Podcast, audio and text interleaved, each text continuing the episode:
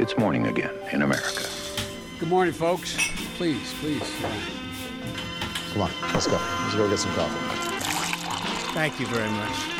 God morgen. Det er mandag 11. desember, og morgenkaffen fra amerikanskpolitikk.no er servert.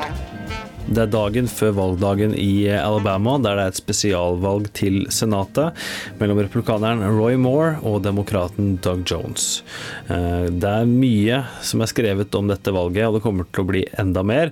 Og vi kommer til å følge det tett på amerikanskpolitikk.no og på Twitter-kontoen vår at ampolitikk. Eh, I går så kom da senator Richard Shelby, republikaneren fra Alabama, eh, ut i et intervju på CNNs State of the Union, og sa jo da rett ut at Alabama kan bedre bedre enn eh, Roy Moore, eh, og sa at han ikke hadde stemt på Moore, så at han hadde stemt på en republikansk eh, writing-kandidat, dvs. Si skrevet inn en annen republikaners navn, og vi kan her høre mer fra Alabamas republikanske senator, som med andre ord håper at han ikke får følge av Roy Moore i senatet etter spesialvalget. Who would you rather see win? Well, I'd rather see uh, the Republican win, but I hope that Republican would be a write in. I uh, couldn't vote for Roy Moore. I didn't vote for Roy Moore, but I wrote in a distinguished Republican name, and I, I think a lot of people could do that. Will they do it? I'm not sure. Uh, I don't know what's going to happen. You know, as a Republican, I had to vote Republican. I wanted to vote Republican. I understand where the president's coming from. I understand we would like to retain that seat in the U.S. Senate. Uh, but I tell you what, I there there's a time. There's we call it a tipping point.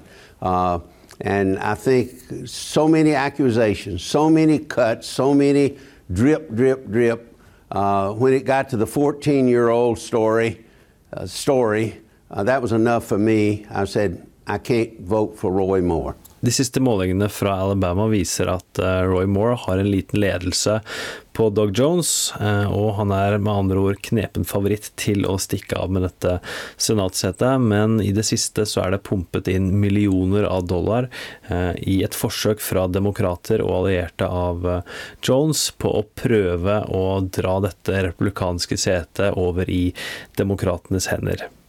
Jones har fått hjelp av en rekke prominente svarte demokrater til å mobilisere de svarte velgerne i eh, Alabama, eh, noe som vil være helt avgjørende for at eh, demokraten Jones skal vinne.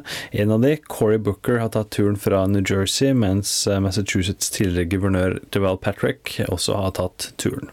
Før vi hører litt mer fra Alabama, så er det verdt å nevne at eh, USAs FN-ambassadør Nikki Haley i går ble spurt om alle de ulike kvinnene som har kommet med anklager mot eh, president Trump i fjorårets eh, valgkamp.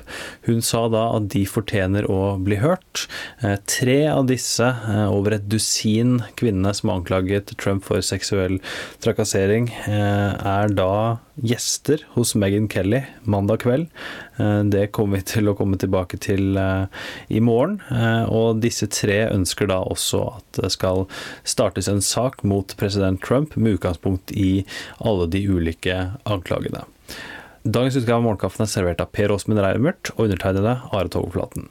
Du leser mer om disse og andre saker på amerikanskpolitikk.no, bl.a. Russland-etterforskningen mot Trump. Du finner Morgenkaffen i Spotify, iTunes og andre podkastapper sammen med Ampolkast. Helt til slutt her så skal vi høre utdrag fra en republikansk radioreklame i Alabama som retter seg mot hvite velgere, og da sprer frykt om demokratenes forsøk på å kjøpe valget med å appellere til svarte velgere og minoritetsvelgere i Alabama. Hør på den, og så snakkes vi i morgen.